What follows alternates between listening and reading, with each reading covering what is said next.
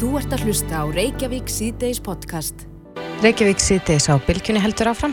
Það hefur oft verið talað um það að eh, já, fólk býður mjög lengi eftir afplánin hér á landi. Já, allt og lengi. Allt og lengi og uh, ég veit nú, við heyrðum nú í dómsmálur á þeirra fyrir ekkert svo lengur síðan þar sem hún var að, að, að kynna einhverja úrbætur á þessu, Mhm. einhverja aðra leiðir sem eh, farið á, eða sem sagt, sem á að fara til þess að stytta byggtíma. En uh, ég, ég rakst hér á greinin á frettablaðinu þar sem að, að ég þannig maður sem að hefur lengi talað fyrir réttindum fanga hér á landi. Formar afstöðu. Akkurat, Guðmundur Ingi Þóratsson, hann er á línni konti sæl. Já, sæl og blessuð. Já, í þessari grein sem við rákumst á, ert þú að, já, segja að við ættum að gera föngum sem að, að eru ekki Íslandingar uh, kleift að afplána í heimalandi sínu. Hvernig viltu fara því? Já, ég, sko, við erum alltaf að hugsa um kannski þá erlendu fanga sem að hafa lítil eða engin tengsl við landið. Ég er svona fyrst og fremst að hugsa þá. Mhm. Uh, þetta eru svona 20% fanga hverju sinni uh, og þeir eru í raun og veru að fá hér sama rétt og allir Íslandingar. Uh, það er að segja framgang í fangavist að fara í opið fangilsi og áfangaheimili og hérna rafrænt eftirlit og vinna fyrir þetta fangilsi og slíkt. Uh, en ég held sko að ef við tökum til dæmis uh, löndin sem að uh, við erum ofta að bera okkur við eins og Danmörk að þá senda þeir fanga heim til sín, til sí, sína landa, hafa gert bara samning um það við, við, við komandi ríki. Og ég held að það var í mjög sniðu til, til þess að einmitt að, hafa fleiri fangaplás og, og spara kostnað og, og til að hérna uh, að fanga síðurinn verður bara ekki að, að hérna kannski uh, kynnast uh, eða, eða tengslamyndun verði ekki við, við brotamenn og, og önnur gleipagengi. Mm En uh, veistu hvernig það er? Þurfa þeir erlendu aðila sem veru dæmdir hérna til fangavistar, þurfa þeir að býða eins lengi eftir því að komast í afpláninu eins og Íslendingarnir? Já, já, en, en ég held sko að flestir sem eru í fangi sem eru yfirleitt uh, menn sem eru settir inn strax, þar að segja að þeir eru gæsluvaraldi fram á dómi Mhm. og, og, og síðan fara þær áplana í framhald af því. Þannig að ég held að þeir, þessi sem við erum að tala um eru ekkit endilega mikið að býða, sko. Þeir eru bara svona menn sem eru kipt inn út af einhverjum kannski stærri málum. Já. En er það, er það til að hagspota fyrir þessa útlensku fanga að, að vera sendir heimar, hefur nátt heilt talað um að fangilsin hér á landi séu já, að, að sko aðbúnaður séu tölvöld betri fyrir fanga hér á landi heldur en annar staðar. Ég, ég vissum að þeir vilja örgulega ekki vera heim sko. Vilja örgulega taka út dóminn hér en það er náttúrulega ástæði fyrir því líka er að, að þeir fá undatekningar lausn á næst uh, reynslu lausn á, á sagt, helming átánunar á meðan að Íslandíkarnir fá reynslu lausn yfirleitt eftir 2-3 Mm -hmm. Þannig að þeir áplána í raun og veru stýttra heldur en, en Íslandingarnir og, og geta þá farið, eru þá sendir út í raun og veru og ástæðan fyrir þessu er að það eru alltaf verið talið eh, að fanga við sér tungbærari fyrir þá sem eru í áplanun ekki í þínu heimalandi það sé að þeir eru fjari fjölskyttu og, og hafa ekki fengið sömu úræði og, og íslenskir, eða sem sagt, eh, já, íslenski fókar og það var þannig áður og, og hérna er þannig í raun og veru á Norðurlöndunum sko, en, en hér á Íslandi í dag þá eru þeir að fá í raun og veru alls sömu úræði og, og hérna Íslandingarnir en fá samt reynslulöst fyrr uh, heldur en uh, Íslandingarnir. Finnst, finnst ykkur þetta mismunun? Okkur finnst þetta klárlega mismunum, já, þetta átti kannski rétt á sér á, á árum áður þegar þeir fengu ekki sömu úræði og en í dag er uh, samskipti góð, til dæmis ég, uh, þeir fá að hafa samskipti við fjölskyldi gegnum Skype þannig að í raun og veru er kannski, getum við ekki sagt að, að, að munurinn sé svo mikill og þetta eru þeir kannski ekki að fá heimsóknir og annars líkt jafn oft en, en, en þetta er vissulega mismunum í dag, já. Hvernig, þekkir það Guðmundur hvernig hlutföllin eru hér á landi? Hversu margir sem eru í afplánun eru, eru Íslandingar og, og svo hins vegar útlendingar? Já, við, þetta, já, við höfum svona verið að meða við að, að, að útlendingar séu um kringu 20% Já. og, og það, það getur verið minna og, og, og hérna er ekki alveg kláraði hvernig það er akkurat núna.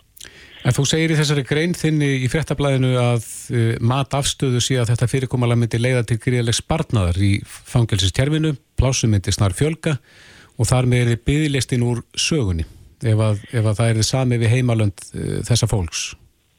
Já, algjörlega. Ég meina það kostar uh, marga miljónir á ári að, að vista eitt banka og, og þarna erum við að taka plás fyrir einhvern sem getur verið uh, komið inn af, af bygglistónum og hérna þannig að, ég, ég held að þetta væri bara til að, að spota fyrir alla sko.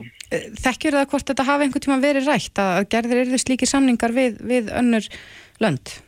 Í Sko ég, já, mér minnur að Björn Bjarnarsson fyrirvændi dómsmálaður hafi gert einhverja samninga eða verið byrjaður að hérna, vinna í þeim málum á sínu tíma og ég held að það þurfu bara dusta ríkja á þessu, þessari vinnu og koma þessu stað og, og drífa þetta í gegn. Uh, við veitum að, að, eins og ég segi, Danmörk er að gera þetta, þeir eru að senda útlendingarna heim til sitt uh, hérna, heimalands og og það er náttúrulega því að menn eru kannski ekki endilega að koma að hinga síðan aftur í kjölfarið sko uh, til að fremja kannski fleiri glæpi. Nei. Því þeir vita hvert þeir eru að fara svo. Mm -hmm. En hvað myndir, þú, þú stemdir á að komast inn á þing og vantalega þá til þess að vinna uh, að þessu málum þar? Já, algjörlega, mér finnst vanta rött uh, minni hluta að hópa og ég aðar setja að hópa. Og, og þetta var eitt að aðal markmiði kannski í því að, að hérna þegar ég bauði mig fram uh, í hérna forvali samfélkingar að, að komast inn til að breyta þessu málaflokk sérstaklega þó að ég sé vissulega og hafi verið gegnum tíðan í mörgum minnurhættahókum og kannski náða að vinna mig upp út úr sumum og sumum ekki. Að hérna uh, að þá, þá myndi ég vilja sjá algjör að hérna uh, umsnúning í, í þessum málum Já. og gjör bylta þessu kerfi sem slíku, þannig að þetta kerfi eins og það er í dag er bara einfallega ekki að virka Mm -hmm. og ég held að, að meðan við allar þann penning sem við erum að setja í fangilsmánu ári þá verðum við að geta fengið eitthvað tilbaka Guðmundur Ingi Þóraldsson, formaður afstöðu Kæra þakki fyrir þetta Já, þakka fyrir Þú ert að hlusta á Reykjavík C-Days podcast. Jæja, Reykjavík síðdeis á bylginu heldur áfram. Það hefur komið fram í fréttum að dómsmálar á þeirra hefur samið við Jón Steinar Gunnlaugsson, hæstarétta lögmann og fyrirvendi hæstarétta dómara, e, að hann aðstóði við vinnur áðunitisins e, að því að stitta máls meðferða tíma í réttafæsli kerfinu og þetta hefur nú vakið upp e, hörð viðbröð í misa hópa. Já, svo sannlega. Um, það hafa nokkur félög stíði fram, Kvennréttindafélag Íslands, Stígamót, Uppreistn og Feministafélag, Háskóli Íslands eru meðal þeirra sem að gaggrina þessa ákverðun dómsmálar á þeirra Já. og viljirinn veru meina að þetta sé blöyt tuska í andlit þólenda, kaldar kveðjur til kvenna og ekki til þess fallið að auka tröst á kerfinu. Nei, Jón Steinar Gunnlaugsson er á línunni, kom til sæl. Já, komið sæl. Já, hvað finnst þér um þessar köldu kveðjur? Þetta er allt saman bara bull og vittlisa og byggt á einhverju miskilningi. Hvaða misskilningi? Já, það er byggt á þeim miskilningi að það heldur því fram að þegar ég hef barist fyrir því að mannréttindaregla en þýðingamesta í réttarkerfinu um að sakaðir mennskuli tellast saklausir, þar til sagt er að sannast. Ég hef sagt að þessi regla gildir um alla brotarflokka og líka um kynferðisbrot en það er eins og að sönd fólk vilja ekki samþykja það. Og ef að það er rétt að þá hlýtur það að vilja að mönnum sé refsa fyrir sem hann er sakaður um kynferðisbrot án þess að þau sannist á þá. Ég hérna, er mjög hlindur því að allir þeir sem brjóta af sér í kynferðisbrotum sem öllum öðrum brotum verður sóttir til ábyrða fyrir það og refsað lögum sangvann. En ég fælst ekki á það að það sé heimilt að refsa mönnum í ósönnuðum brotum. Þetta er nú einfalleikin í því sem ég hef sagt. Svo er þetta mistúlkað, rangtúlkað og, og afflutt sko á þann hátt að ég sé einhver sérstakur vendari ofbeldismanna á þessu sviði. Ég bara hef aldrei vita aðra eins af því, Ég er vendari réttaríkisins og ég best fyrir því að reglur þess gildi þar sem það er eiga við. Það er alltaf þund. Jón Steinar, eitt af því sem bent hefur verið á meðal hans í, í máli uppreistnar er að, að já, þú hafir haldið fram að brotaþólar eigi að fyrirgefa ofbeldismönnum sínum fyrir að hafa barist. Nei, það hef ég aldrei sagt.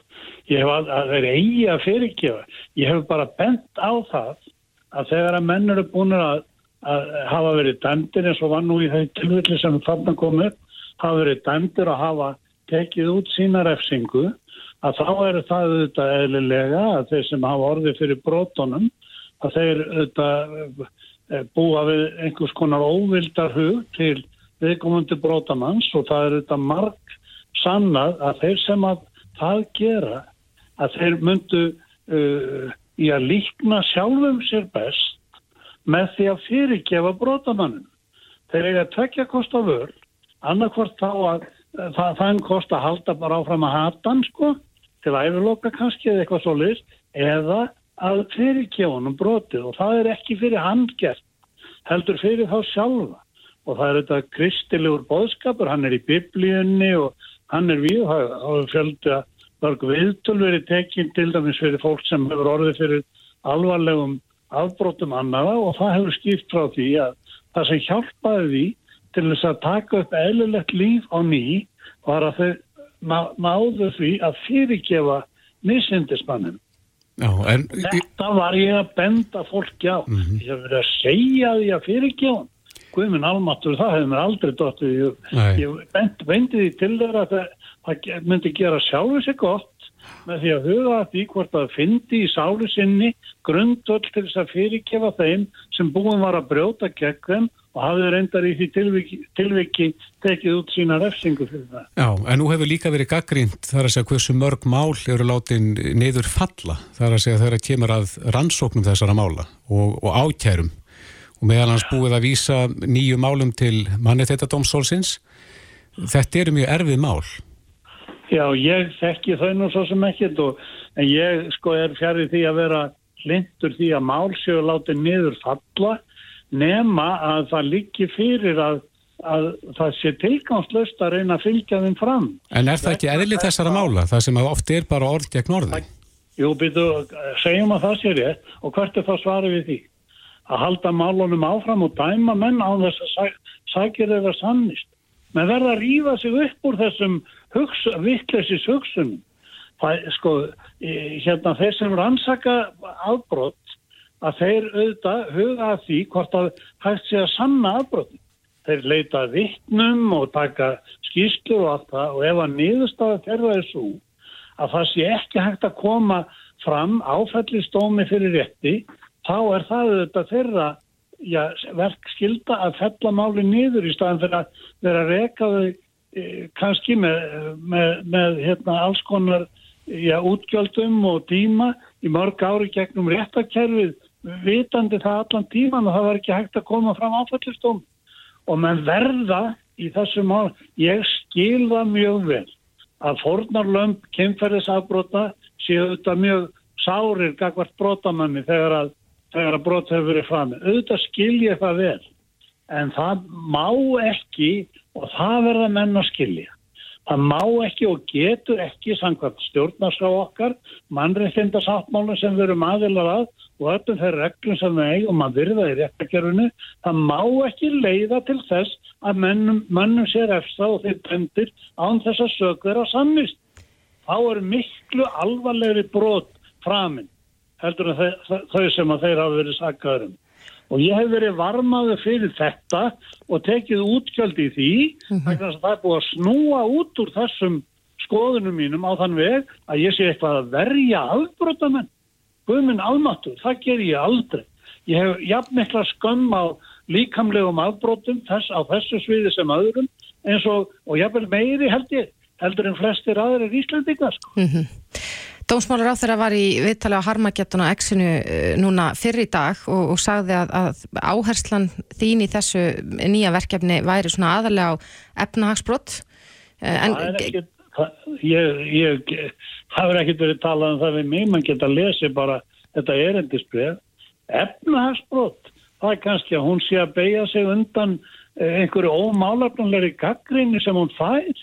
Það byrja, akkur er fólk að ráðast á hana út af því að ég sé að aðtóa einhverja stýtting á meðfæratíma í kemferðisbrot og það er ekki talað um neinn kemferðisbrot í þessu, það gildir bara um að brot. Það er vandamál sem hefur verið hér uppi og, og er meiri segja veldur því nú stundum að refsingar eru mildaðara því að það vil tekið svo langan tíma að klára málinn og þá er menn dæmdir í vægari refsingan ella. Og verkefni sem mér hefur verið fengið tekur til allra brotaflokka, enginn greina munur á því. En aðeins að þessu verkefni þínu, hvað er, er helsta hindurinn? Af, af hverju taka þessi mál svona langan tíma? Já, það er góð spurning. Ég get út af, ég er nú rétt að byrja í þessu sko og, og get nú ekki alveg svara því að það eru sjálfsagt margar ástæði fyrir því sko. Mm -hmm. Það hefðast á mismunandi stegum eitt sakamál, það sem maður er sakaður um að brjóta af sér, það byrjar auðvitað á rannsóknarferlinum og, og þegar honum líkur þá er gefin út ákjæra og, og þá er það málsmeðferð fyrir já, fyrsta dómstíði og svo eftir aðtökum er þeim dómi áfríðað. Það er núna verið að, að flytja mál, það er reyndar á sviði efnaðarsbrótana sem að hérna, það sem verður að fjallum það hvort að menna við brotið eftir með refsöðurum hætti fyrir hvað er það orðið, 13 ár síðan og þetta sjáu þetta allir að þetta gengur ekki. Við verðum að huga vel að því hvort okkur tekst að styrta þennan tíma. Ég og eftir að átta mig á því hvaða, hvaða hérna ráð eru til þess fær sko. Ég mann og eftir einu tilviki það sem að maður sem ég þekki var beðin um að koma með ráð sko til þess að flýta málsmaðferðartíma við málskott og hann stakk upp á því að ennbætti sem er hlutátti kefti sér bara betri ljósöpun og ég sko. Já. Að því að þá var afkasta meiri sko þá þetta ekki að tefja tefja að gera málskagna jafn mikið eins og áður. Og þetta var heilla ráð það stýtti málsmaður með fyrir að tíman heil mikið, ég er nú bara að segja já, þetta já, já. það getur ímislegt komið upp sem tefur málsmaður Jónstina, hver er þín skoðun á því? Hver er eðlilegu tími? Það er, það er ekki hægt að svara því. Það er líka auðvitað eftir brotunum, málin eru misflókin og, og hérna, ég, ég hef látið mig þetta það í hug, nú er ég kannski vann að segja meiring að þetta gera á þessum fyrstu stegum að það væri hugsanlegt kannski að koma á hérna einhverju kerfi sem heimilar það að ganga frá hjáttningarmálum með sátt strax, hefur bara þegar mönnum er sleft úr, úr hérna raspúsinu eftir að hafa verið hýstir þar eftir brot sko. Eh, það hafa þetta gætað ímsum hlutum og meðal annars að réttur þeirra sé ekki brotin en ef þeir játa brotin og eru tilbúinur undirgangast eh, sátt um refsingu sem að er fyllilega sambarileg við það sem þeir vitað er sko eftir fordæmum að þeir myndu fá eftir málsmeðfur hvers vegna ekki að reyna að stýta okkur uh, leiðina með því bara ganga þá frá málinu mm -hmm. strax skiljiði og það myndi þetta letta heilmiklu af uh, kerfinu að því að það tiltekna mál snertir. Ég er, eh, sko, ég er nú að segja þetta bara svona að meira og minna óatúðu máli en mér finnst að þetta sé eitthvað sem má atúða og Já. svo þetta fleira og fleira.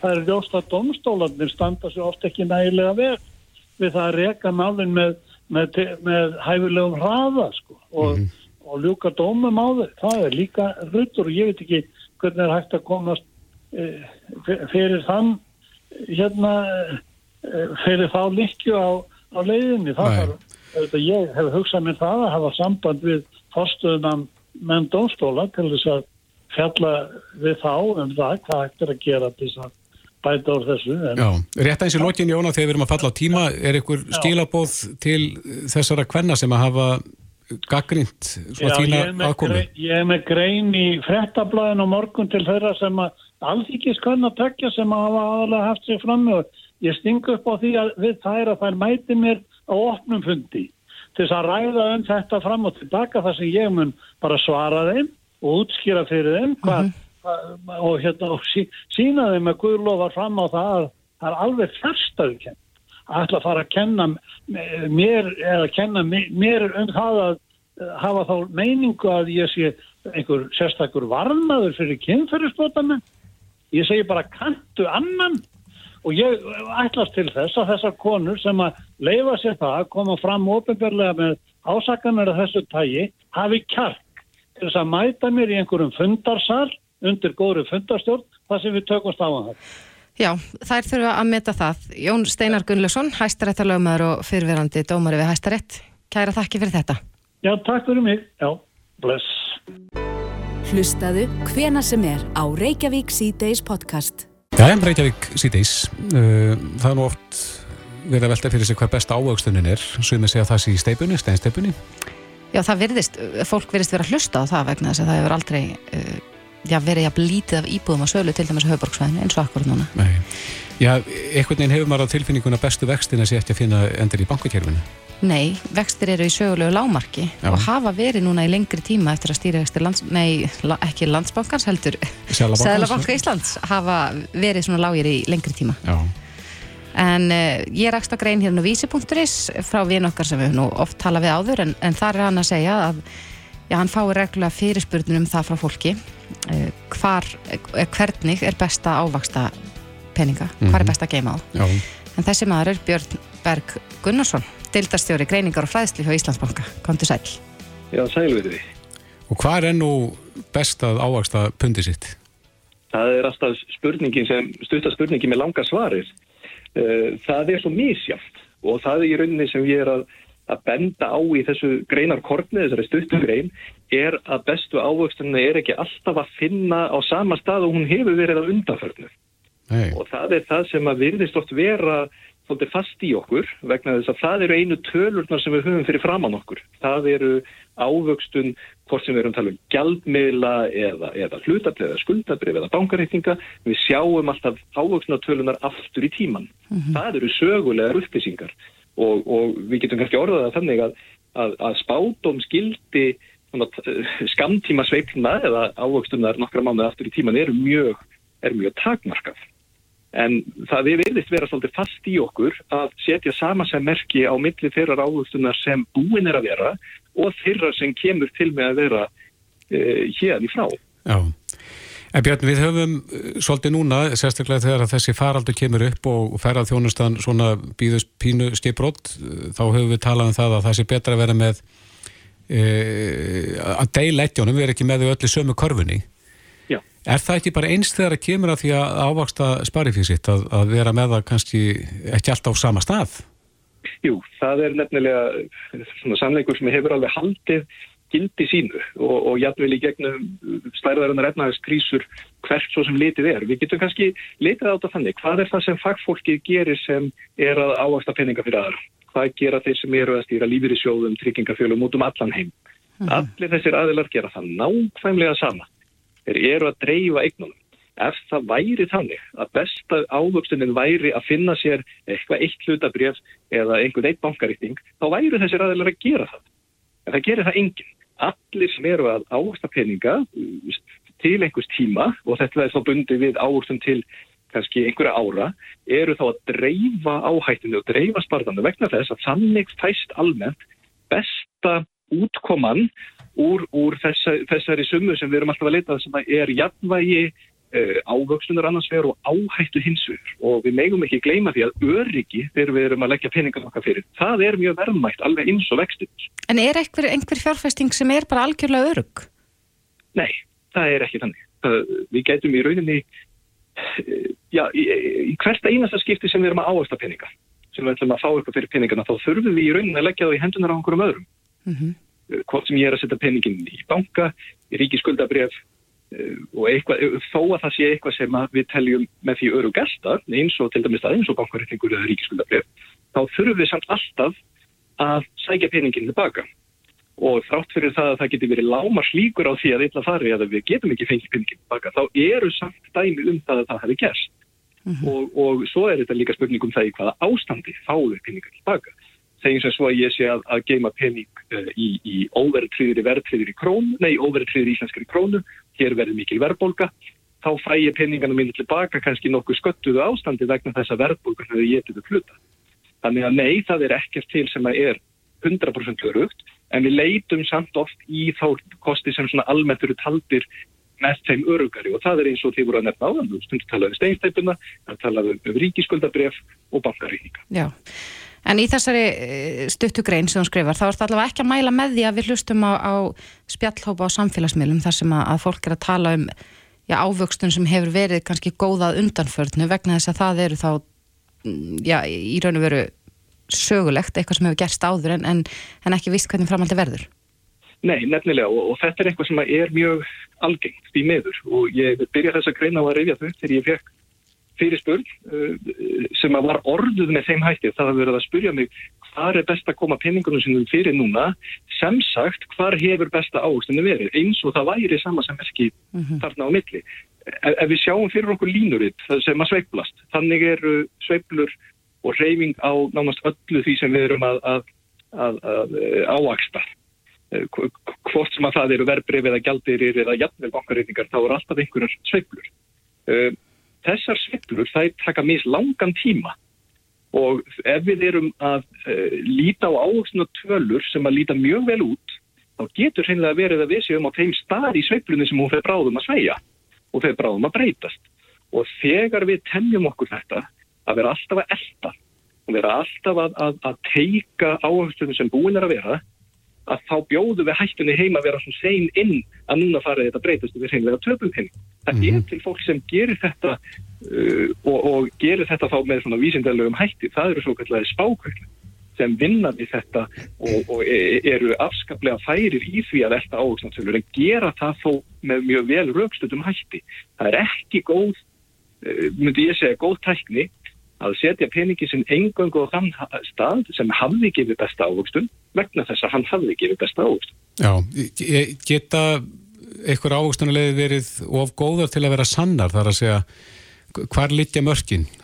Fólk maður náttúrulega glögt eftir iSafe sem að það sem að mönnu þótti svona þessi gillibóðum ávöxtun þar vera kannski betur en góða hófi gegnir og við veitum hvernig það endaði.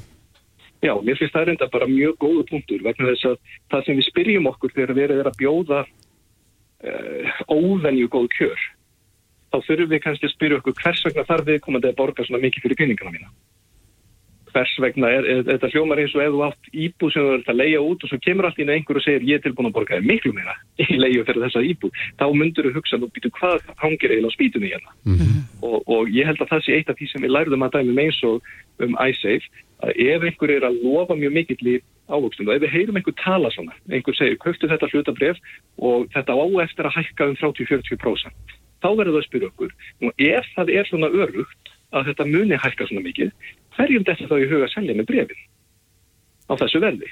Akkurat. Vi, við þurfum alltaf að vera eh, skeftísk á óvenju háartölur og eins og þetta tala um eitthvað sem hefur hækkað gríðarlega mikið það hefur ekkert spátumskildi eitt og sér. Við þurfum þá að skoða hvers vegna þetta hækkaði og hverjar líkunar eru á að það með endur taka sig. Akkurat. Já, þetta er ekki einfalt en uh, Björn Berg Gunnarsson, deildastjóri greiningar og fræðslu hjá Íslandsbanka Kæra þakki fyrir þetta. Takk helga. Reykjavík síðdeis á bylginni. Reykjavík síðdeis, það er komið rúmt ár síðan að fyrsta tilfelli greintist hér á Íslandi, mm -hmm. koronavirunni og margt svona sem að menn vissu ekki um svona hegðuna minnstur þessara veru. Það voru svona alls konar vangaveltur í gangi, mannst ekki eftir því að menn voru að spá í hvort að hún lifði betra lífi í hérna köldulofslegi. Akkurat. Því að hún virtist unna sig vel meðal skýðafólks Já, hún, hún allavega var í, í hraðri dreifingu þarna í ölpunum, má segja. Akkurat, og svo kom sömarið og þá svona hjaðnaði þetta aðeins en, en er margt sem að menn vita núna miklu betur um veiruna heldur með gerðu þarna í upphafi? Og, og hvað er það þá sem menn vita? Til dæmis erum menn að skoða hvaða þeir sem að drefur hún mm -hmm. e, lifur hún illa við mikinn hýta og hversu mikinn hýta þarf til að drepa hana Já, við hefum oft leitað til mann sem að þekkir þessi mál og hefur fylst vel með gangi mála í þessum málum í gegnum eh, mánuðina. Jón Magnús Jóhannesson, sérnámslæknir í líflækningum hjá Landsbytalanum, kom til sæl. Sæl. Já, við vitum það ekki miklu meira núna svona um veirun og hvernig hún heiða sér og hvað hún þólir. Svo sannlega, við hefum nátt svona talsverðu meiri þekkingar við hafðum byrjum. Og hvað er svona það helsta? Er eitthvað sem við heldum fyrir árið síðan sem bara reynist alls ekki rétt? Eins og til dæmis þetta með hitastíð og kalda loftslæði og annað slíkt. Það sem við sjáum að fyrsta lagi að öndunarfærsíkingar verðast dreifast með misvel og mis, með mismiklum svona mismiklum breytileika eftir aðferðum það er í rauninni hvort að fara eftir úða, eftir drópa, við erum búin að læra að þessi hugtúk sem við verið að nota hafa ekkert alveg átt við uh, í allum tilfellum svo kannski eitt er, er akkurat þetta með einmitt kallofslag, heitlofslag, rakastíð að þetta er ekkert svo einfalt að þetta séu ráðan þætti þar er margt annað. Það getur komið bylgjur þegar heitlofslag, það getur komið bylgjur þegar kallofslag. Það fyrir eftir líka okkar eigin mannlegu breytum hvort það séu margir á einum stað og einum tíma eða uh, hvort það séu meira minni samskipti en kannski meira einn á heimilu. Þetta er alla þessar breytur hafa svolítið flægt myndina. En kannski með þetta hýtastigs pælingarnar er að við vitum að þessi veira uh, er mjög þólinn almennt séð bæði hýt og kvölda það er hægt samt að ná hittstæðinu upp fyrir 60 gráður og þá hún þólir það ekki til lengri tíma en hún þólir kvölda ansi vel.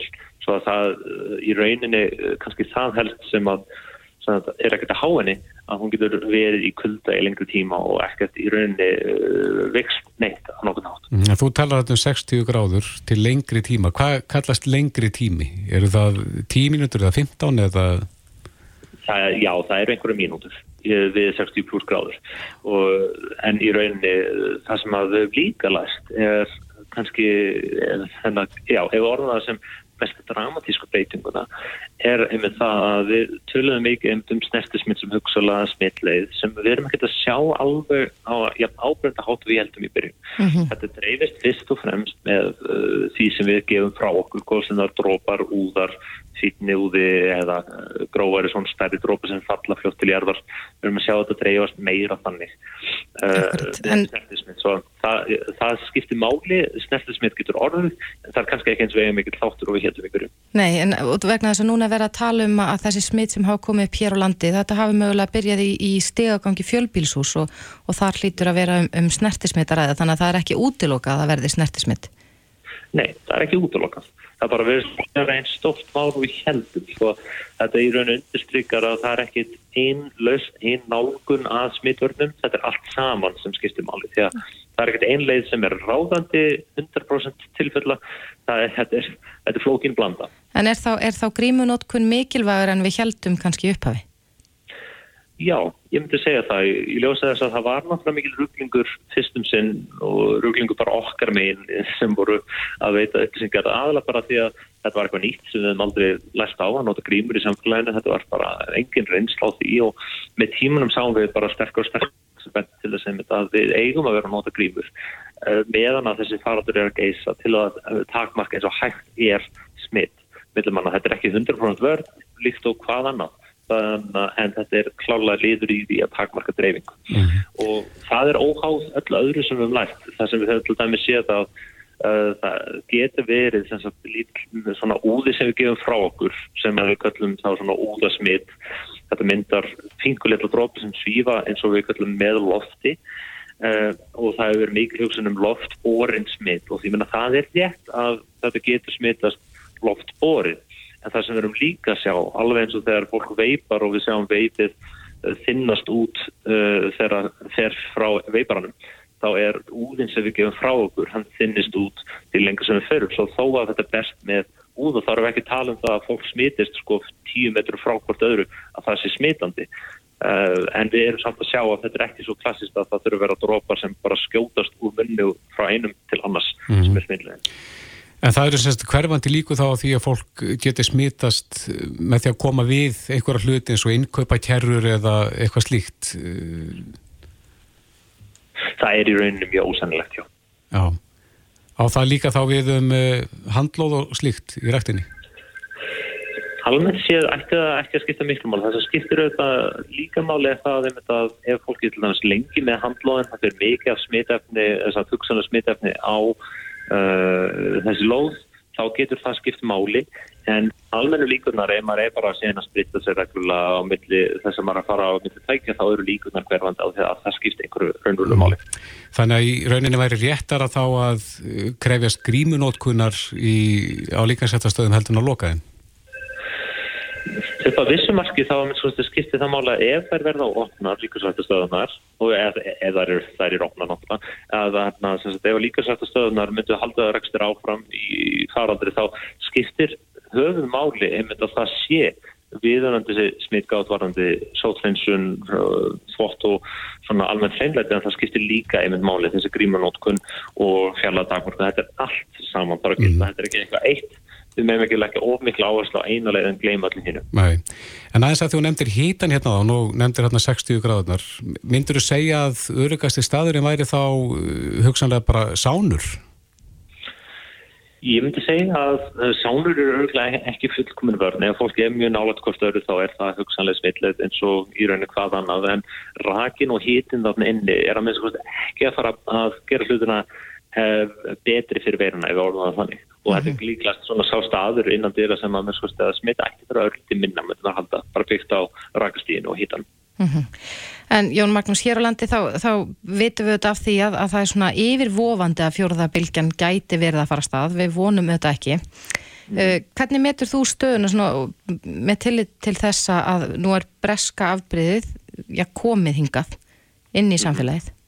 Mm þá er alveg búið að uh, í sjálfsveira afbreyði sem að kemur var fannst fyrst í Breitland og heitir uh, formulega svona B117 að það myndi að loka og berast hingað og það er ennþá mjög margt sem við hefum eftir ólæst um þetta afbreyð hvort að það raunverulega smittist mun meira en þessi önnur afbreyð sem við höfum séð. Um, eins og staðinni núna þá erum við á miklu ósystíð eins og þið nefnir og ég held að það sem mjög erfitt að segja af og á hvað mun gerast. Ég held að aðalatrið er að sjá umfang þessara fyrstu tilfella sem hversu langt þessi hugsanlega smittnet og tengslanett ná. Ef þau eru frekar takmörkuð þá eh, getum að vera smá bjart um að með viðendur smittrakningu og, og nótkunn sótkjara við náðum að ná hemlega þessu en hins vegar ef svo er ekki þá verður við auðvitað bara vera kannski grípast eins snemma inn og hægt er til að takmarka dreifingu og það þýr þá einmitt að auka viðbröði samfélagin aftur. Já, Jón Magnús Jóhannesson, sérnámslæknir í lifilækningum hjá Landsbytalanum. Kæra þakki fyrir þetta. Sjálfsagt, takk um þess. Þetta er Reykjavík C-Days podcast. Reykjavík Cities heldur áfram við, það voru margir allavega hér á höfuborgarsvæðinu sem að, já, söðvestur horninu sem að vöknuði nótt við jæðskjálta mm -hmm. það var stór jæðskjálti held ég klukkan þrjú í nótt 5,1 stærð Já, fannst þú hann vel? Já, mjög vel. Hann hefur vætið því? Hann vakti mig alveg bara, ég, ég var hugsa um að fara bara á fætu en ég er eitthvað ánað, ég gerði það ekki um, En svo heyrðu við í Kristinu Jónsdóttur, hópstjóra náttúrvarvöktunar á Viðstof Íslands í hátægisfréttum Bilkjunar í dag þar sem hún sagði að, að já, það sé líklara og líklara með hverjum degi sem líður að það verði eldgoss mm -hmm. en á línunni hjá okkur er Salome Jórun Bernhardsdóttir náttúruvár sérfæðingur, kom til sæl. Komið sæl. Hver er staða núna? Staða núna er bara mjög svipuð og búið er að vera. Það er, uh, það er búið að koma með svona kviðum uh, sem að, eru svona í sumar í nokkra klukkutíma það sem að koma fleiri, fleiri smá skjáltar og, og svo hægist aðeins á og svo koma þessir skjáltar eins og kom í dag eh, það kom 4,2 í dag og 3,6 og þetta, þetta kemur í svona kviðum í erskjáltaverknin Hvað er að gerast? Af hverju koma þessar, þessar kviður? Er kvikan að, að bú, búa til eitthvað þristing sem að, sem að veldur þessum skjáltum? Já og nei, hún er bæði náttúrulega að riðja sér rúms í ganginum sjálfum, hún er, að, hún er að reyna að koma sér upp, það er kvika sem er að koma inn í þennan gang uh, og, og hún þarf að búa sér til rými. Og annarkort býr hún sér til rými eða þrýstingurinn ekst. Uh, en svo það sem gerist líka er að, er að skorpan uh, og það verður svona ákveðin spennusvið sem myndast.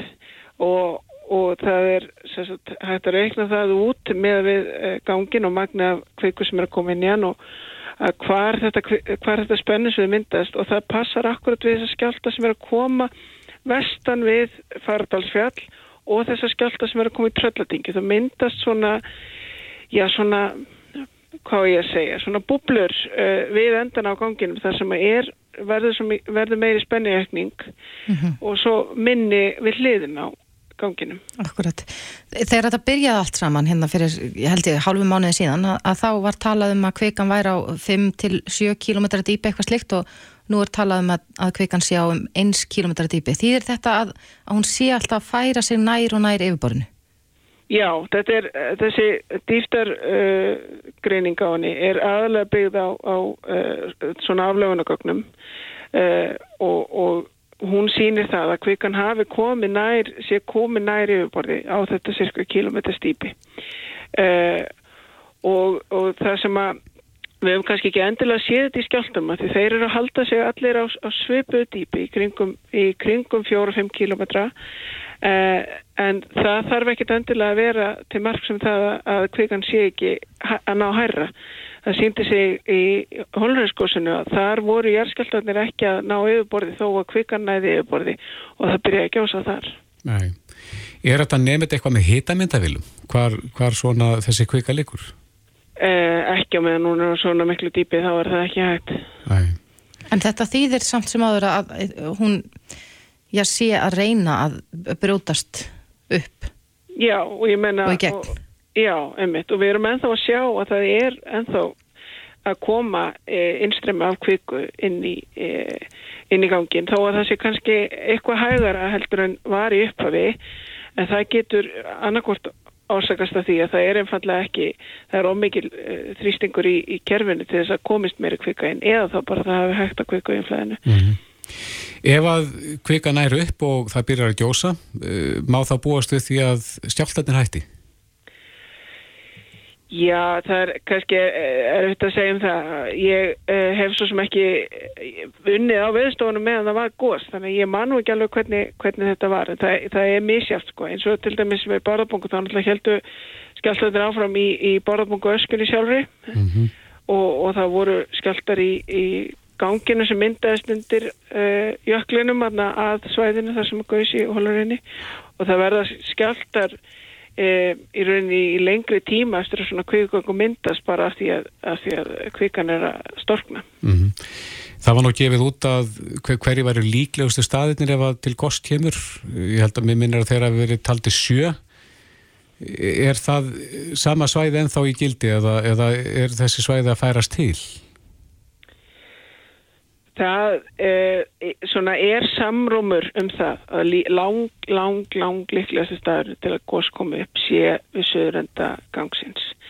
En, eh, en, en svo getur við með mótilegningar sem eru byggðar á, ymsum eh, svona forkröfum og, og þáttum og þá, þá getur mótileg gefið kannski, eh, kannski einhverja aðra staði sem koma til greina og Um, en, en það er svona samrómur um það uh, að það sé lang líklegast að það komi upp þar sem að viðspunni hefur verið bæði að við sjáum ja, skjöldavirknaðu við Suðurandan og sagt, samfloti við aflegunagögnin þau, þau eru tólkuð saman Og við Suðurenda hvað er það svona á, landinu fyrir þá sem ekki þekkja það?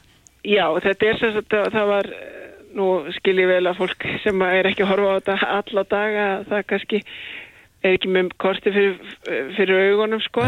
Það var, það var þegar gangurum var fyrst svona fyrst sást á aflögunamyndum þá var hann eh, dregin upp þarna frá svona frá keili og, og söður í aðfæradalsvelli og láð þar svona milli. Svo hefur virknin eh, eiginlega minkað tölverst í þessum enda sem er nær keili og hefur eiginlega bara svona uh, hvað ég segja, hún hefur uh, orðið fókusað fókuserast í siðri hlutanum af þessum gangi sem við vorum búin að, að tekna upp og, og, og svo er þetta uh, segja að hann hafi kannski hlaupið aðeins fram þegar það var óróa pólsatna fyrir, hvað var það, ég man ekki, dagarnir rennandi saman viku síðan mm -hmm. að þar er jæðskjöldavirknin uh, mest af þeirri jæðskjöldavirknin sem er tengt kviku ganginum sjálfum beint. Já. Rétt aðeins í, í lokin Salame, því að fólk er að vakna upp núna við þessa stjálta er þetta spá eitthvað til um það? E eigum við vona á fleiri stjáltum og og hversu öflugum þá? Ég held að við getum alveg átt vona því að fá svipa, svipa stóra skjáltaða á þessum norður-söður sprungum jæðskjáltabeltum sem eru þarna eh, lengra í vestur og nær Grindavík eh, og á þessu alveg að fardalsfelli og jafnvel við tröllatingu að því að á meðan að gangurinn er ennþá að fá í sig meiri kvikk og það verður ennþá meiri þýstingur, það verður ennþá meiri spenna uh, á þessum svæðum og, og það sama á við ef það er skjálti þá getur hann auki spennuna líka á svæðinu þannig að þetta, er, þetta verður svona, svona samverkun. Já, hefur þú fundið þessa skjálta? Fannst þú þá til dæmis þessa í nótt?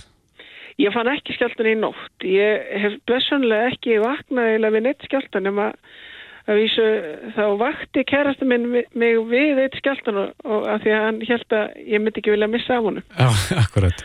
En þú mistir af honum? Uh, já, svona ég náði svona ég náði þessum síðustu yfirborðspilgjum sem voru að koma. Já, náði skottið á þessu. Já. Salome Jórun Bernarslóttir, náttúru var sérsvæðingur hjá viðstofunni. Kæra þakki fyrir þetta. Já, takk sem við leiðist. Reykjavík sýtis og bylkinu heldur áfram. Við heyrðum af því hér fyrir áramót að Vís ætla að fara að stað með já, nýtt uh, greiðslu fyrirkomulega, ég veit ekki alveg hvað maður kalla þetta, sem heitir aukuvísir, þar sem maður fylgstyrnur með hvernig maður keirir mm -hmm. og svo greiður yðgjöld í takt við það. Já. Við heyrðum hér fyrir áramót, eins og ég segi, í forstjóra Vís og það hafði nú verið einhver gaggrin í kringum aukuvísin Þar á meðal var, var gaggrinni frá Helgu Þóristóttur, forstjóra personuvendar, sem að, að sagði að hún vonist til að vís hafi unnið heimavinnina vel. Já. En uh, nú er þetta komið í loftið. Það, við höfum séð auglýsingar fyrir þetta, en, en hinga til okkar er komin Helgi Bjarnason, forstjóra vís. Sælverðu. Sælverði.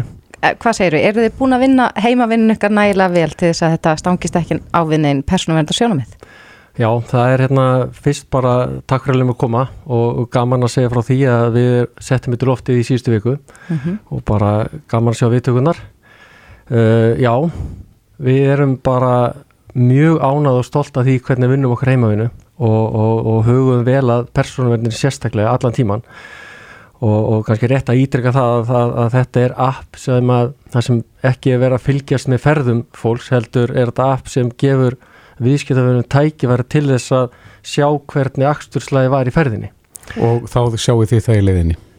Nei, við sjáum það nefnilega ekki, við Nei. sjáum engar ferðir hjá viðskiptaverðinum og, og það er svona gott að koma inn á þetta því þetta er kannski það sem er oftast verið að ræðum að við erum ekki á nokkuð nátt að fylgjast með ferðum viðskiptaverðina. Mm -hmm. Gögnin eru geimt hjá á símum, dölkóðuð á símum viðskiptaverðina.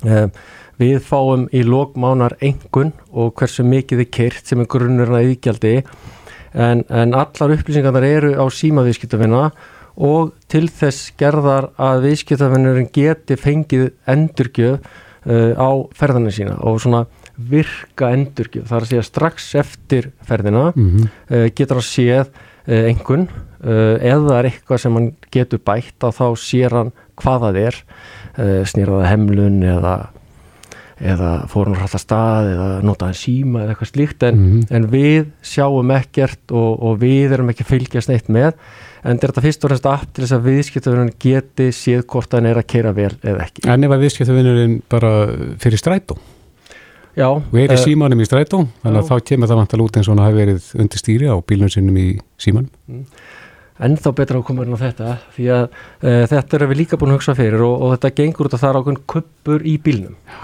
og það er henni kuppurinn sem er að mæla ferðina þannig að ef að þú ert í, e, í strætó mm -hmm. með símanum e, með síma e, þá mælist ekkert En ef þú ert farþið í, í bílnuðinu? Já, ef þú ert farþið í bílnuðinu þá getur uh, mertuð á síst farþið mm -hmm. og þá mælistur henni ekki til þess að þú ert farþið og nota síman skilji. en það er uh, persónum þeir er bara alfa og omega í þessu verkefni. Og, og það er búið að vera svona innbyggð og sjálfgefin persónuvendi í þessu verkefni frá upphafi. Persónuvenda fulltrúum var í, í þessu verkefni frá upphafi. Og við erum mjög opið með það hvernig allt það er. Og það er gaman að segja frá því hér að því fyrramálið er persónuvenda fulltrúum okkar með erindi á vegu stjórnvísis. Mm -hmm. það sem er fjallað um persónuvendana í þessu máli og hvernig hún var uppbyggð og, og hvernig hún var gerð.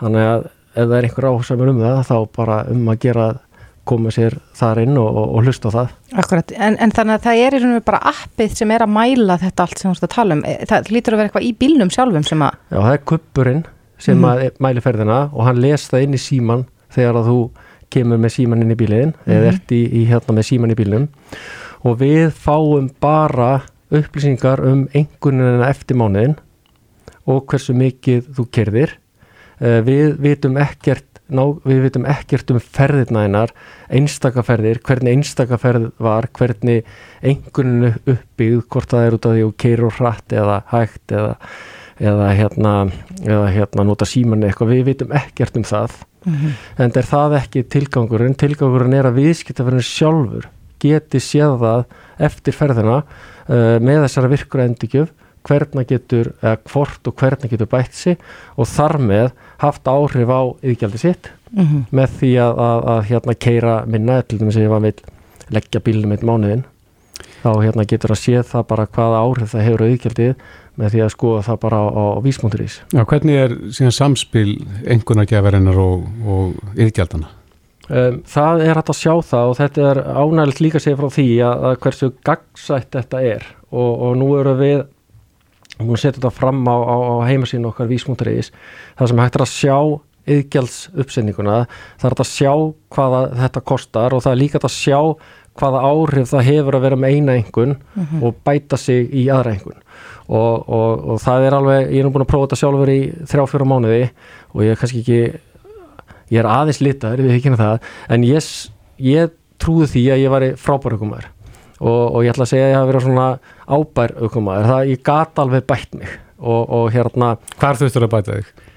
Ég þurft að bæta mig bara í ákveðinu takti mm -hmm. og það, það sé kannski þetta app gengur upp á að vera bara í einhverjum góðum takti umfyrinni, vera ekki að koma á hrattin að gatnamót, ekki fara á hrattastað, eh, fara rólega í hérna ringtorkin og vera bara ákveðinu takti sem að mingar líkurnar á því að þú sérst að lendi aðstöðu það sem að kallar á einhver viðbröðu eða einhvað sem getur komið upp á valdi slísum og, og þess vegna e, með þessara nálgun erum við bara svo sannfarðum að okkur mun takast það sem við erum í grunninn að vinna að fækka slísum og, og hérna bara með hag allra, ekki bara viðskiptverðan heldur samfélagsins að leiðlösi því að við erum að sjá uh, hverja ári allt og mörg banarslís og, og allt og mörg alvarið slís og, og það eru háttið 1600 mann sem hafa látist í bílslisum uh, frá því fyrsti aðli lést í bílslisi uh, 1919 mm. þannig að það er að mörg að huga og mikill áhengur í þessu fyrir samfélagi og við erum bara já, við, ég, ég og við erum bara ótrúlega stolt af þessari vinnu og hvernig það hefur gengið og einstaklega þakklátt fyrir móttökunar. En hvernig hefur hafa móttökunar verið? Eru margir viðskiptvenir ykkar búinir að, að fá aukuvísin í sinn bíl? Um, núna settum við þetta í lofti fyrir helgi og, og móttökurnar voru eins og sagði og, bara áðan mjög góðar, við vorum með vinsalast appið á, á Íslandi um helgina. Um, síðan eru núna aðilar að prófa og, og það er að prófa þetta án skuldbindinga í 14 daga og þá er algjör óhá því hvort þú ert í viðskiptafinur vís eða einhvers annars félags. Þú getur bara að prófa þetta án skuldbindingi í 14 daga þannig að ég hvet alla bara til að prófa. Mm -hmm. um, það eru bara það hefur bara gengið umfravæntingar um fjölda þeirra sem hafa sótt appið eða er að prófa appið og, og við trúum því start og stöðugt að þetta sé umbylting í nálgun á uh, svona tryggingum og erum bara stolt að eiga, eiga þetta frumkvæði þar. Mm -hmm. Helgi Bjarnason, fórstjóri Vís, við sem bara gangi ykkur vel með þetta verkefni og vonandi bætir þetta aukumenninguna. Við erum vissuð það. Kæra þakkir. Takk. Reykjavík síðdeis á Bilginni podcast. Þeir eru fjölmarki núna sem að eru svona á síðustu metrunum að klára skattframtali sitt. Mm -hmm. Það eru skil núna eftir tvo daga, tólta. Þannig að fólk þarf að hafa hraðar hendur. Og það er eitt sem ég komst að í dag mm -hmm. sem að ég vil leifa uh, alþjóð að heyra. Já. Að ég hef hingað til alltaf farið inn á skattur.is og sótt um viðbótar frest. Bara, mm -hmm. ég veit ekki af hverju ég gera það, kannski bara þetta með gott að vera í einhver svona limbo með tíman. Af gömlum vana. Af gömlum vana, mhm. en það er ekki veittur viðbúta frestur í ár. Nú er það nýtt? Já, það hefur alltaf verið, en nú er ekki eftir að sækja um viðbúta frest já, já. vegna þess að, að skilin eru setna en vanlega. Já, Þannig að bara e, ef að einhverjað núti ætlaði að vera eins og ég og sækjum mm. auka frest bara til að gefa sér fleiri daga í þetta að það var það ekki hægt. Ætlaði þú að gera það? Já, ég ætlaði að gera það. Ég nefndi þess ekki. Og komst það í? Ég var að íta þessu svona í burtu smástund. Já, akkurat. En við rákumst á grein eh, inn á vísi.is sem að byr fyrir sögnuna, þú átt bara að kunna þetta. Mm -hmm.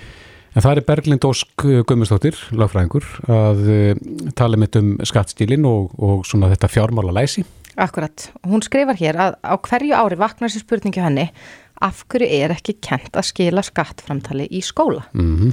Berglind er á linni, kom til sæl. Já, sæl og blessi.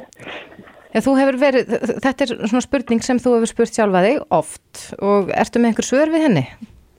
Nei, sko, þetta var í raun þannig að ég var að skoða Twitter og ég sé að þessi spurning er sett inn bara í caps og, og ég er svo sem hef eftir þessu fyrir mig bara mjög líka oft, sko, og hérna ég fór að hugsa, já, auðvitað, akkur er þetta bara kent í, í grunnskólum mm. eða bara í fyrsta bekki í frámætskóla. Uh, það er svo sem ekki, hefur ekki verið hérna gert hinga til, en ég held að það væri mjög stærst að bara að efla þessa fjármálæsi og þessa ábyrga fjármálæhefun hjá unga fólkinu bara mun fyrr. Já, við hefðum kannski og krakkarnir hefðu kannski betra og meira gagna því að læra slíkt heldur en margt annað sem að kentir. Já, ég ætla ekki að gera lítið úr bóknáminu sko en það sjálf lögfræðingur ólst upp í því umhverfi heldur það heldur þetta sé bara mjög mikilvægt að eftir svona fjármálaveitund unga fólksins og, og kannski ábyrða á þeim sjálfum hvernig á að spara og, og hvernig á að lesa launa þeim það bara ymsar upplýsingar og grunnhugtök sem ég held að væri alveg gagnaði að kenna bara minn fyrir fyrir ungu minnstæðíkum. En er þetta ekki komið eitthvað leitt inn í skólana? Jú, mér skilst að þetta sé að einhverju leiti já, en það er samt ekki á henni fastu liður og það er ekki kent svona raunfærni eins og bara þessi innfalda skattskísla í þetta áfram áfram, það er ekkit kent sko og ég veit að það er vissulega einhver fræðslegin í svona vinnuskólunum og slíku, mm -hmm. en ég held að sé alveg eftir lægi að formfesta þetta svolítið. Er eitthvað fleira svona í bara þessu almenna lífi og, og, og því sem að já, fullornir og, og þeir sem eru eldri en 16 ára þurfa að glíma við sem þeir finnst það ætti að vera kent í skólum? Já, ég fyrir svolítið yfir þetta líka í greininni að, að mjög til þess að mikilvægt við fyrir aðeins að færa raunfærni eða svona kennsla almennir hæfni inn í skólana sem er þá eins og bara kynfræðslega í taktu tíman, líðhelsu út frá lífstilsjúkdóm sem verður díla við og svo sérstaklega þá fjálfunni gaggrinn hugsun. Mm -hmm. En ég held að við séum að díla svolítið við Við erum öll með síman og tækinn fyrir framar okkur allan daginn og það er endalista upplýsingum og mikið af gögnum og, og við þurfum kannski að læra á fyrir stegum í skólanum og hvernig við erum að meðtaka þetta allt saman og hvernig við erum að, að, að beita okkur gagvart af þessu upplýsingu óriðu sem byrtist okkur. Akkurat, en nú spur ég eflaust margir, er þetta ekki bara hlutverk fóreldrana að, að fræða börnin sínu um þessa hluti sem viðkoma daglegu lífi? Jú, vissulega. Ég held að það sé alveg bara mjög góða punktur þetta komið fram en, en ég held að það sé ekkit verða að við séum að sinna forverðnum og fræðslu inn í skólunum með markvísari hætti heldur en það sem fóröldra getur gert. Akkurat. Þú talar líka um að gera þurfi list og verkna með hær undir höfði. Hver eru raugnin fyrir því? Já, ég sem tala bara styrtlega um það en, en þá er ég í raunin að leiða því að skapandi greina sér svona undista nýsköpunar og við erum auðvitað alltaf að tala um að nýsköpun sé fórsend að framfara aukina verskmændasköpunar í samfélaginu og svoleiðis liti. Þannig ég held að við þurfum svona að það marka skapandi greinu meiri veg í skólakerfinu. Já, hefur þið fengið mikil viðbröð við þessari grein og þessum uppástungum? Já, algjörlega, algjörlega og aðalega bara jákvæð viðbröð. Uh, ég vild, vildi svona líka benda á, ég er ekkert að lasta þeir upplýsingar sem að skattinu veitir, það er bara mjög góð fræðsla síni á þeim sem að kunni ekki að, hérna, að klára þetta skattskíslu dæmi en, en ég er auðvitað bara að benda á að, að öll fræðsla á forvölu sé að hennu góða og ég held að það sé mjög gott að við færum aðeins inn á uh, grunnskólastíði eða uh, inn í skólana. Já, einmitt. En þú segir líka þessar greina að það mætti fræða betur og meira um líðhelsu, til dæmis eh, út frá lífstilsjúkdómum? Já, algjörlega. Ég meina það er einn okn sem að stæðja að samfélaginu, bara nútíma samfélaginu og, og ég held að bara almenn, almenn tilbrið og hilsa sé eitthvað sem þarf að vera svolítið í forgrunni.